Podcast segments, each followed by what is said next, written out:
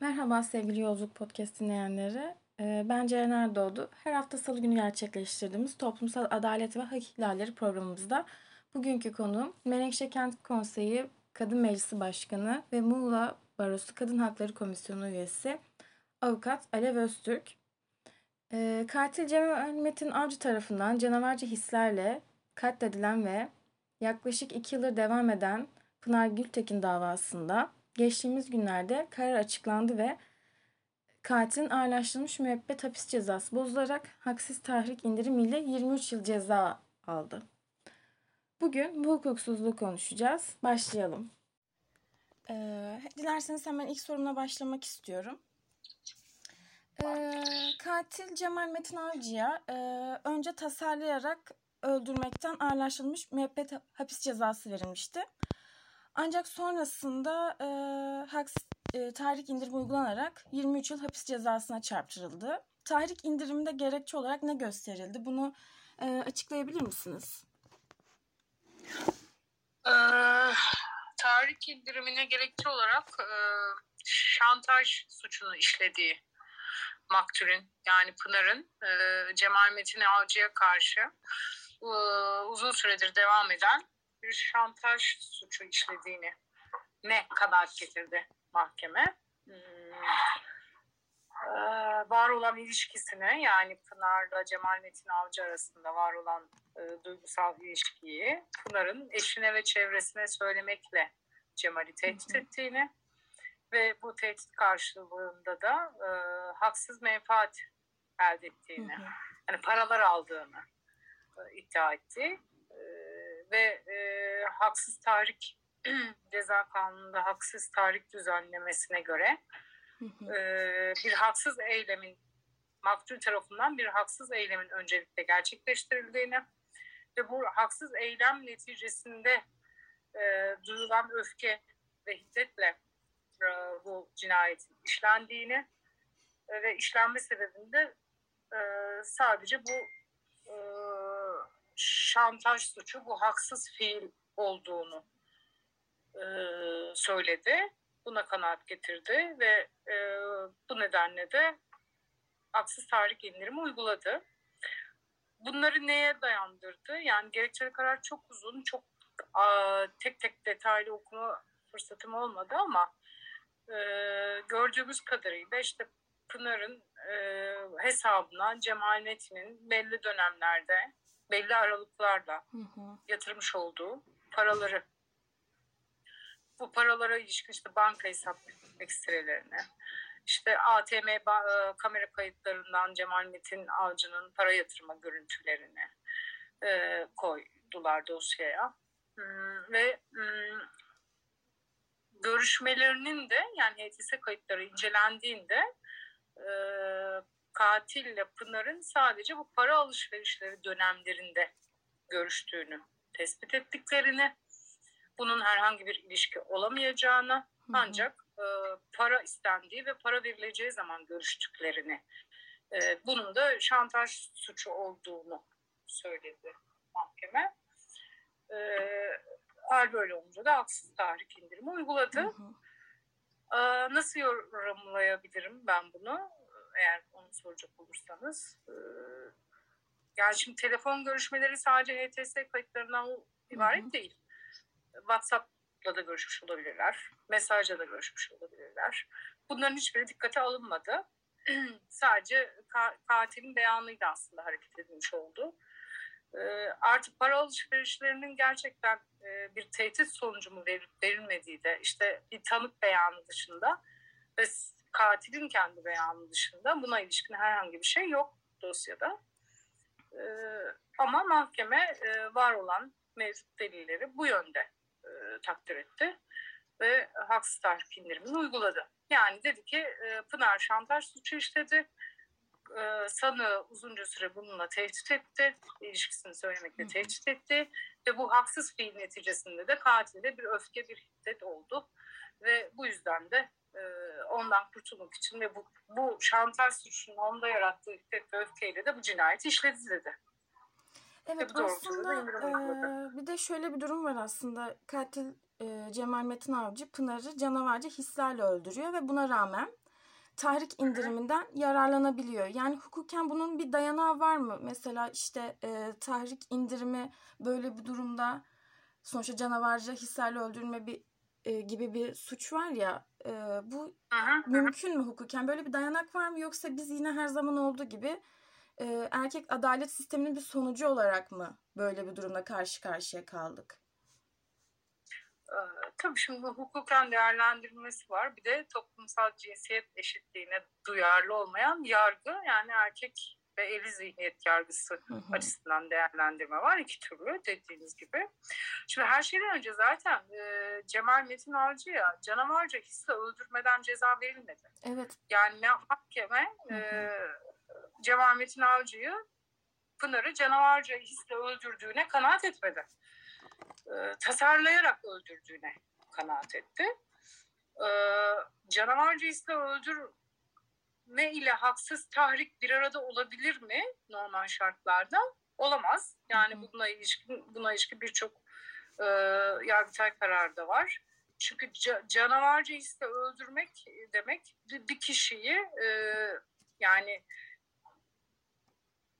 daha doğrusu canavarca hisle öldürmek sadece e, öldürmüş olmak için öldürmek. Yani bundan zevk almak. Hı hı. Eziyet çektirerek öldürmek ise hani aslında ölüme başka türlü ölümüne sebep olabilecekken aslında öldürme eylemine katkı sağlamayacak aslında öldürmesine etki etmeyecek sırf karşı tarafa eziyet çektirmek Evet. amacıyla yapılan hareketler sonucu öldürmek diyoruz. Şimdi aslında Cemal'in e, bizim beklediğimiz karar eziyet çektirerek öldürmeydi. Hani canavarca iste değil de sırf Hı hı. öldürmüş olmak için öldürmek e, ve bundan zevk almak için değil de e, maktule yani Pınar'a aslında başka türlü öldürebileceği halde e, o öldürmeye etki etmeyecek eylemleri de yaparak öldürmek. Bu neydi? Yakarak öldürmek. Ki ya- yakarak öldürmenin zaten e, eziyet çektirerek öldürme suçu kapsamında değerlendirileceğine ilişkin net birçok yargıtay karar var. Yani bunun aksi zaten yok hukukta. Ama e, mahkeme e, Pınar'ın e, yakılarak öldürülmediğine karar verdi. E, Pınar'ın öldükten sonra yapıldığına kanaat etti. Bunu da dosyadaki bir, bir, bir, e, bir iki rapora dayandırdı. Dosyada çünkü üç tane adli tıp e, kurulu raporu var.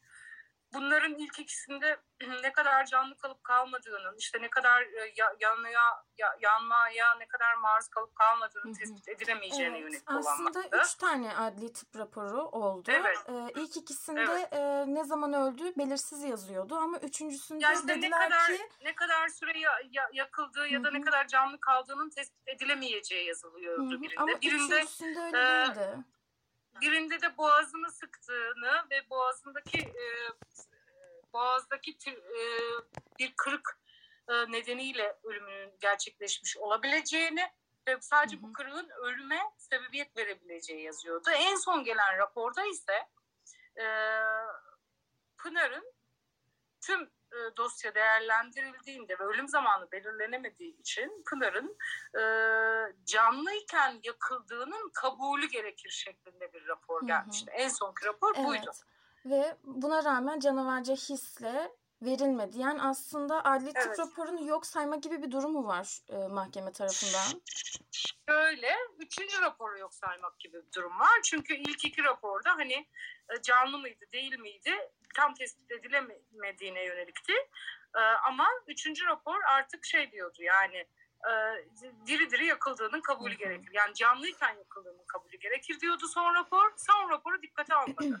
Son raporu dikkate almak yerine 2020 yılı Ekim ayıydı galiba o tarihli bir raporu dikkate aldı. E, Ve diğer raporu yok saydı.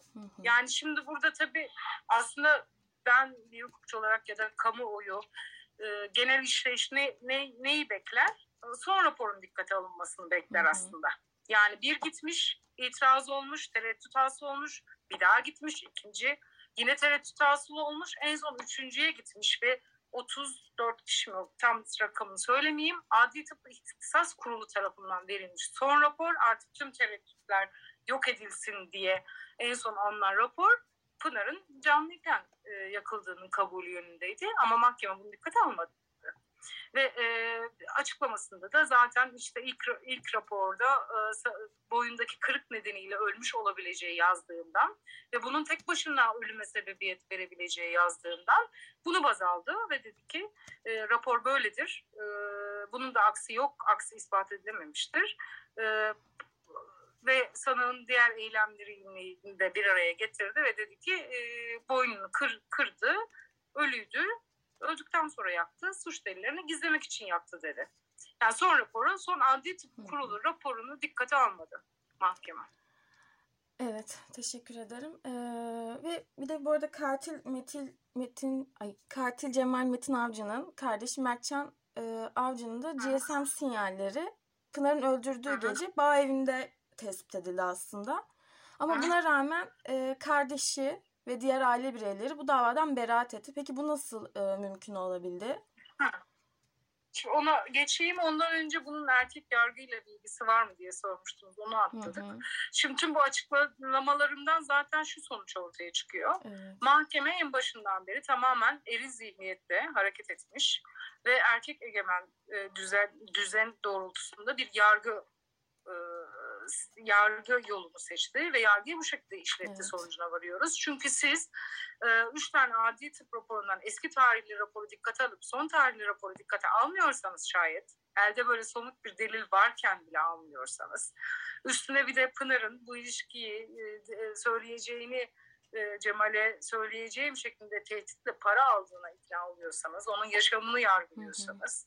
E, katil yargılamayıp Pınar'ın hayatını yargılıyorsanız, e, tüm somut delilleri göz ardı ediyorsanız artık bunun adı tabii ki tamamen erkek yargıdır, erkek adalettir. Çünkü mahkeme heyeti kafasında o erkek egemen toplum sistemini yarattığı zihniyetle Pınar'ın yaşamından bir sonuç çıkardı. Kendince, tırnak içinde kendince belirlediği yaşamından bir sonuç çıkarttı. E, ve bunu cinsiyetçi, işte belki ahlak, belki namus kavramı adı altında kendince bir sonuca varıp kendi eril zihniyetiyle bir karar verdi. Bir kere bunu söyle, söylemek gerekiyor kesinlikle. Çünkü son adli tıp, evet. özellikle son adli tıp kurulunun, adli tıp ihtisas kurulu raporunun dikkate alınmaması bunun çok bariz göstergesidir zaten bana göre. E, Mertcan Avcı ile ilgili olarak da işte Mertcan Avcı en başından beri e, ben oraya bira, e, biz oraya depo olarak kullanıyorduk e, ve bira taşımak için çağırdı beni abim ve ben o yüzden gittim. Orada varilde bir şeyler yanıyordu evet ama ben varile yaklaşmadım. Onun kokoreç olduğunu söyledi bana abim dedi. Ve ben orada bir insanın ya- yandığını bilmiyordum dedi bütün e, savunmasını bunun üzerine kurdu. Hı hı. Ama şimdi yani hani hayatın olağan akışı içine baktığınızda o ha bu arada çağırıyor yani katil kardeşin çağırıyor telefonla. Saat 19.50 gibi geliyor kardeşi. Ee, 19 gibi yakmaya başlıyor bahçede variliyle. Ee, geliyor işte kokoreç olduğunu falan söylüyor ve Cemal Metin ayrılıyor oradan bir saat kadar Mertcan Avcı orada tek başına kalıyor. Ve bira taşıdığını iddia ediyor. Ve sonra bir saat sonra Cemal Metin geri geldikten sonra Mertcan Avcı olay yerinden tekrar ayrılıyor. Yani bu hayatın olağan akış içerisinde nasıl değerlendirilebilir? Ortada bir ceset var yakılıyor. Cemal Metin Avcı mahalden ayrılacağı için orayı boş bırakmamak adına Mertcan Avcı'yı çağırıp bekletiyor. Yani bu bunu bütün akıl, hayatın olağanı böyle söyler aslında e, hani bilmemesi mümkün değil. Ayrıca kokoreç, kokoreç yakmak yani sen bugüne kadar orada hiç kokoreç yakıldı mı? Hayır yakılmadı. Kendisi de yakılmadığını söyledi zaten. Artı o kokuyu ayırt etmemek mümkün değil. Ve sen özellikle e, şimdi bir katil düşünün. Öldürmüş, öldürdüğü cesedi yakmaya çalışıyor. Ama bu hiçbir şey olmamış gibi kardeşini arayıp bira taşımaya çağırıyor. Şimdi bunun akılla falan bağdaşır bir tarafı yok yani bu kadar rahat olamaz bir insan. Hadi bakalım gel desen bira taşı falan diyemez yani durumda. Düşünsenize varilde ceset yakıyorsunuz, kardeşinizi çağırıp bira taşıtıyorsunuz. Yani bunun, bunun akılla mantıkla bağdaşır bir tarafı yok. Yani savunmalar tamamen çok e, abes ve akla mantığa gerçeğe aykırı savunmalardı. Ama mahkeme dedi ki e, işte o saatlerde gelmiştir. Zaten ondan önce cesetin olduğunu bilmiyor. E, zaten cesette ölüydü Hani o anda diri de değildi. O yüzden bu suça iştirak etmesi mümkün değil. Orada bir cesedin olduğunu bilmesi mümkün değil. Buna ilişkin dosyada bir delil yok dedi. Ve e, Mert Cenavcı'yı bu konuda beraat ettirdi ne yazık ki. Hı hı. Ve alınan bu karar sonrası e, yani tahrik indiriminden yararlanmasından dolayı yani ağırlaştırılmış müebbetten sonra mesela 23 yıla indi ve Hı-hı. sanırım siz hani da, tabii ki benden daha iyi bilirsiniz ama bunun yatarı 13-14 yıl diye ben evet. e, okudum. Evet. Yani buna çok tepki verenler oldu tabii ki. Yani kamu vicdanı da çok yaralandı bu manada ama e, işte mahkemeye hak verenler de oldu bu manada. Sizce bunun sebebi nedir? Neyin sebebi? Tepkinin mi? Diğer... Ee, yani Cemal Metin Avcı'nın tahrik indirimden yararlanmasını ciddi ciddi böyle savunanlar bakın işte siz günlerdir ha. yaygara koparıyorsunuz ama bakın aslında evet, sizin anlattığınız gibi değilmiş diyen bir kesim de vardı ne yazık evet. ki. E çünkü biraz önce konuştuğumuz gibi çünkü Hı-hı. erkek egemen toplumda yaşıyorsunuz. Evet. Ee, ataerkil zihniyetle yetişiyorsunuz ve bu kuraldır. Yani Hı-hı. ben de e, kadın cinayetleri dosyasında ailenin avukatlığını çok yaptım, yapıyoruz. Hı-hı. Yani bak hiç değişmez bakın. Yani Hı-hı. önce kadın yargılanır, ölen evet. kadın yargılanır Daha ve çok bir her zaman empati kurma ne yazık ki. Tabii ki toplum her zaman katille empati kurar. Evet. Asla ölen kadınla empati kurmaz. Ve katile hep bir gerekçe bulmaya çalışır. E canım o da öldürdü ama durup dururken öldürmedi. Bak kadın da bunu yapmış. İşte kadın da bu saatte dışarı çıkmış. Kadın da içki içmiş. Kadın da onu aldatmış. Kadın da onu terk etmiş gibi. Kadının hep bir e, eylem neticesinde erkeği bu öldürme eylemine teşvik ettiğini düşünmeye çalışır. Çünkü yaşadığımız e, sistem tamamen erkek düzeni ve erkeğin her şeyi e, yapabileceğini hak gördüğü, evet. e, özellikle kadın işte bedeni, kadın yaşamı, işte kadının tırnak içinde namus ve ahlak kavramı üzerinde söz sahibi olduğunu düşünen ve bunlara bu, bu, bu kavramlarda kadın yerine düşünüp kadın yerine karar verebilen evet. ve kadının kendi düşüncesinde aksi hareket ettiği zaman kadının cezalandırılabileceğini düşünen bir sistemde yaşıyoruz. Hal böyle olunca şimdi toplumun belli bir kesimi doğal olarak direkt Cemal Metin Avcı'yla empati kurup e, bu adam da ilişki yaşamış ama sonrasında tehdit edilmiş. İşte tehdit edildiği için de ne yapsın çaresiz kalmış gibi bir empati kuruyor tabii. Bunun tek tek sebebi maalesef e, toplumsal cinsiyet eşitliğinin henüz toplumda sağlanamamış olması. E, erkeğin dediğim gibi kadının bedeni, namusu ve ahlakı üzerinde söz sahibi olması ve erkeğin her şeyi yapabilir olması ama kadının yapamıyor ya da erkeğin izin verdiği ölçüde yapabiliyor olmasından kaynaklı bir durum söz konusu. Şu an kimse şunu söylemiyor. E sen de madem böyle bir ilişki yaşıyordun, sadakat yükümlülüğüne uyması gereken kişi sendin. Çünkü evli olan sendin. Kadın evli değil. Kadının sadakat yükümlülüğü taşıması gereken biri yok. Eğer hukuk nezdinde değerlendirecek olursak söylüyorum bunu. Hı hı. E sen de evliydin, sadakat yükümlülüğünü taşısaydın o zaman niye başka bir kadınla ilişki yaşadın diye kimse sormuyor. Evet. Çünkü bu erkeğin hakkıdır. Erkeğin elinin kiridir. Erkek bunu yapabilir. Ha erkek bunu yapabilir suç değildir ama kadın da e, sen bana bu şekilde davranırsan ya da işte bak daha fazla üzerime gelme söylemek zorunda kalırım dediği zaman bu suç olur ülkede. Hı hı. O yüzden toplumun yarısı yine e, o eril zihniyetiyle birlikte e, Cemal Metin Avcı'nın yanında yer alıyor ve onu mağdur ilan ediyor yıllarca acı çekmiş, şantaja maruz kalmış bir kadın tarafından tehdit edilmiş ve en sonunda da artık canını tak etmiş ve öldürmüş bir erkek gözüyle bakılıyor. E tabii bu, bu yani bugünün sorunu değil. Ee, evet. Dünün sorunu da değildi. Sadece yarın da olmayacak. Bu devam ede gelecek maalesef.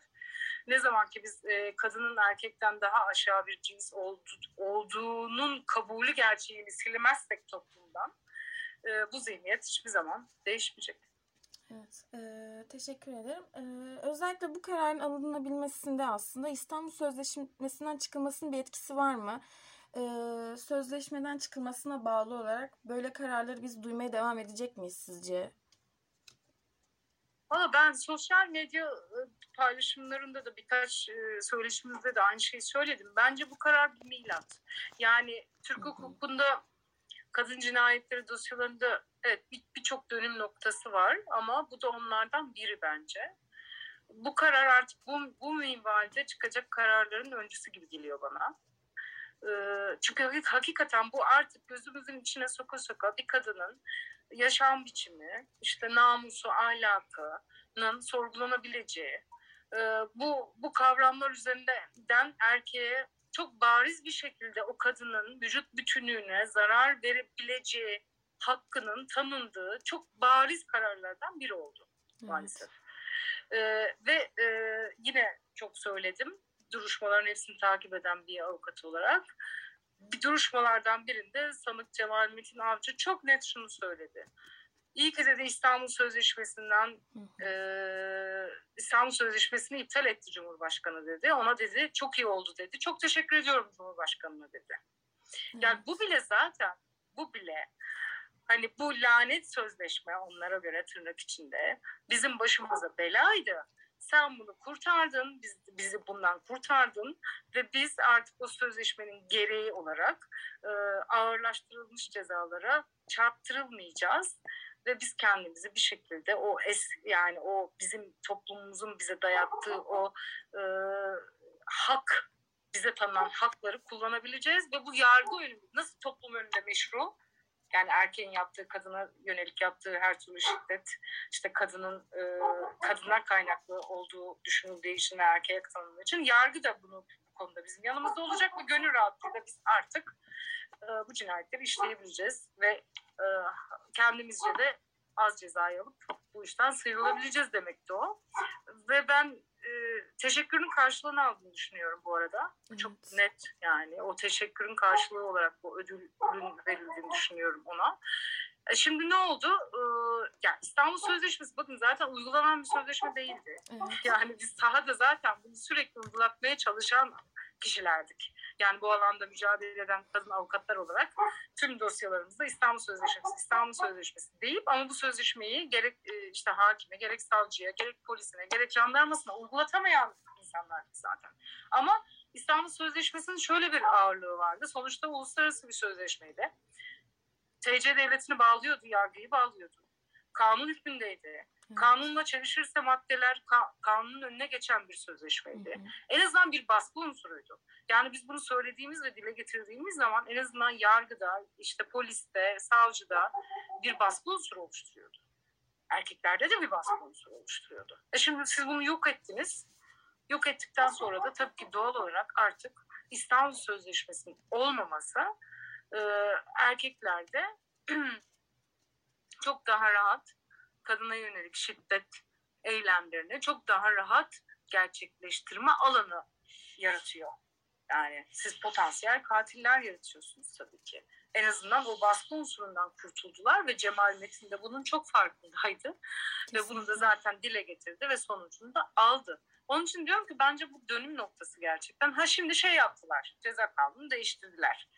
E, işte e, yaralama ve öldürme suçlarına kadına karşı işlendiği zaman direkt ağırlaştırılmış ceza verileceğine dair bir madde koydular. Hı hı. Ve bunların hepsi bakın aynı zamanlara denk geliyor. Yani e, bugüne kadar yasa tasarısından bahsediliyordu. Tam Pınar'ın duruşmasına çok az bir zaman kala bu madde geçti. Ceza kanununa eklendi falan. İşte öldürme suçu kadına karşı işlenirse direkt ağırlaştırılmış müebbetle cezalandırılacak diye bir madde eklediler. Ama bu tabii e, Pınar'ı kapsamıyordu çünkü suç tarihinde bu yasa yoktu.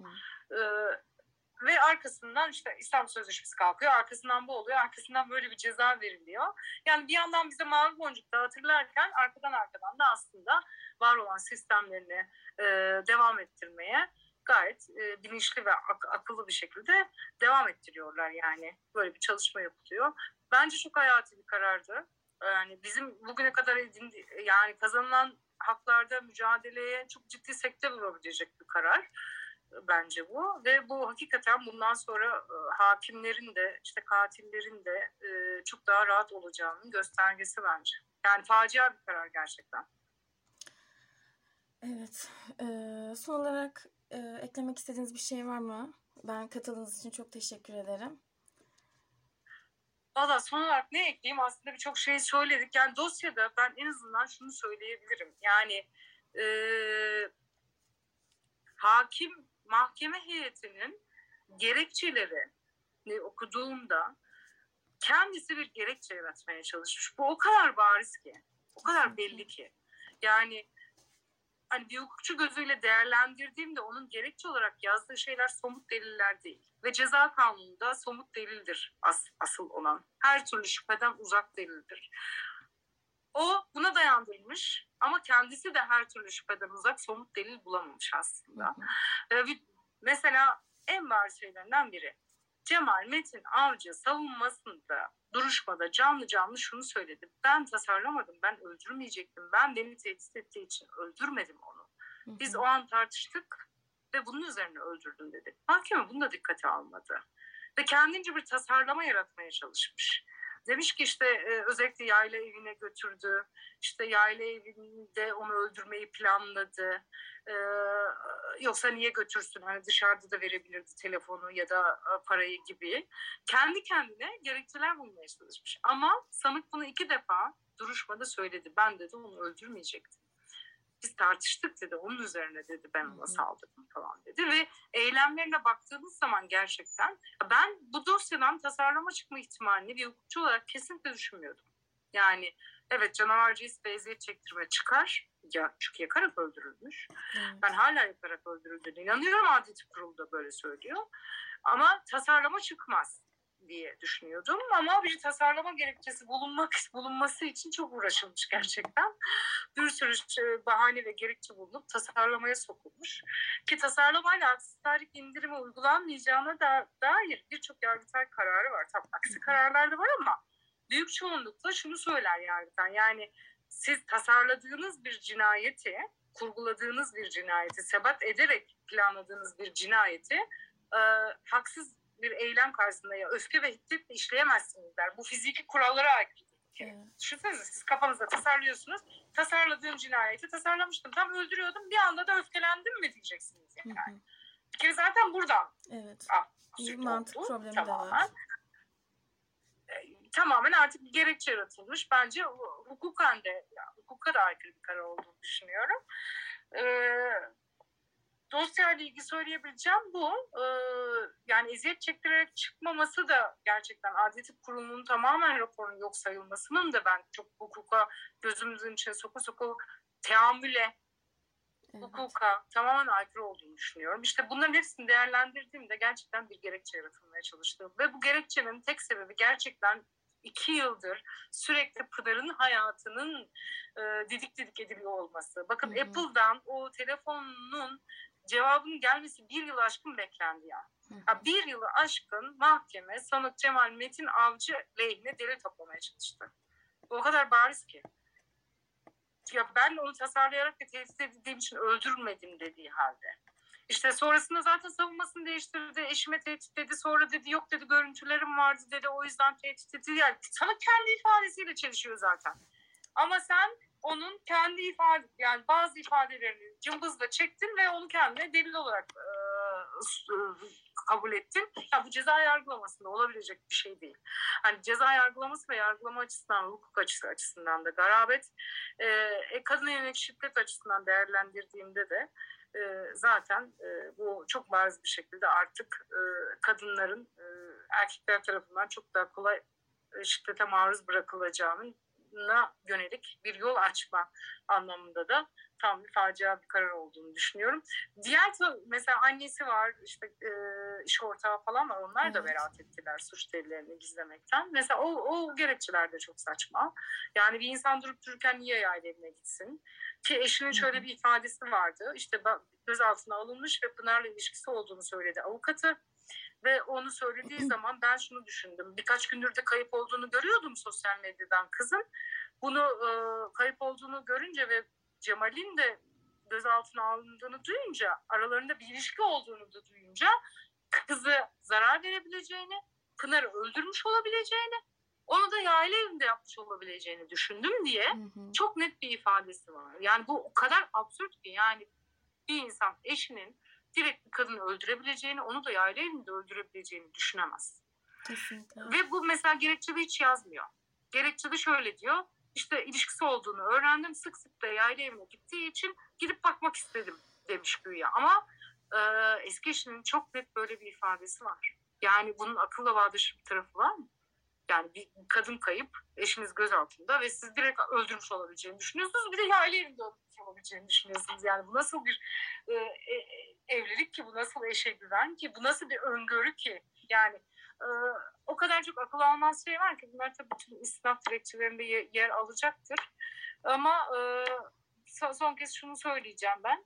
E, tabii ki bu kararlar bizi yıldırmayacak. Evet sekteye uğratacak Kesinlikle. belki mücadelemiz daha da perçinleşmek zorunda kalacak ama e, sonuçta biz buna izin vermeyeceğiz. Yani Evet. kadın, namus, ahlak, yaşam biçimi bunların yargılanmasına değil katillerin yargılanması için yine biz elimizden gelen her şeyi bugün sizle yaptığımız bu konuşma gibi bunun da amacı bu. Yapmaya devam edeceğiz. E, ve inanıyorum ki o İstanbul Sözleşmesi de tekrar geri gelecek zaten. E, Danıştay da o yönde bir karar verecek. Yani e, istedikleri sistemi kuramayacaklar ne olursa olsun. Ben bu kararın eğer baskı olmaz ise yine bu eriz zihniyetle e, devam edilmezse yargı sürecine istinaftan en kötü yargıtaydan bozulacağını her türlü bozulacağını düşünüyorum. E, elbette ki yakarak öldürülen bir kadının e, öldüren kişiye verilecek cezasının 12 yıl 13 yıl yatar olmasını kabul etmek mümkün değil. Yani o zaman hakikaten biz sokaklarda ne siz ne ben hiçbir kadın güvenli artık dolaşamayacaktır. Yani sen beni sevmedin hadi haksız tahrik. Sen beni te- ter- te- terk ettin hadi haksız tahrik. Artık her şey yani bu haksız tahrik kavramı artık kadının yaşam biçimiyle özdeşleşir ve en ufak şey haks- haksız tahrik olarak kararlara girebilir bu karardan sonra. O yüzden hakikaten kesinlikle dönmesi en azından üst mahkemelerden dönmesi gerekiyor. Döneceğine de inanıyorum ben. Evet, ben de inanmak istiyorum. Çok teşekkür ederim katıldığınız için. Ee, umarım sizin gibi e, avukatların da sayısı artar. Çok teşekkür ediyoruz katıldığınız için. Ben teşekkür ederim. Az değiliz. Daha da çoğalıyoruz. Daha da Evet, çoğalacağız kesinlikle. mutlaka. Ama mücadelemiz çok yoğun, e, çok zor. Ama vazgeçmek de yok tabii ki. Çok teşekkürler.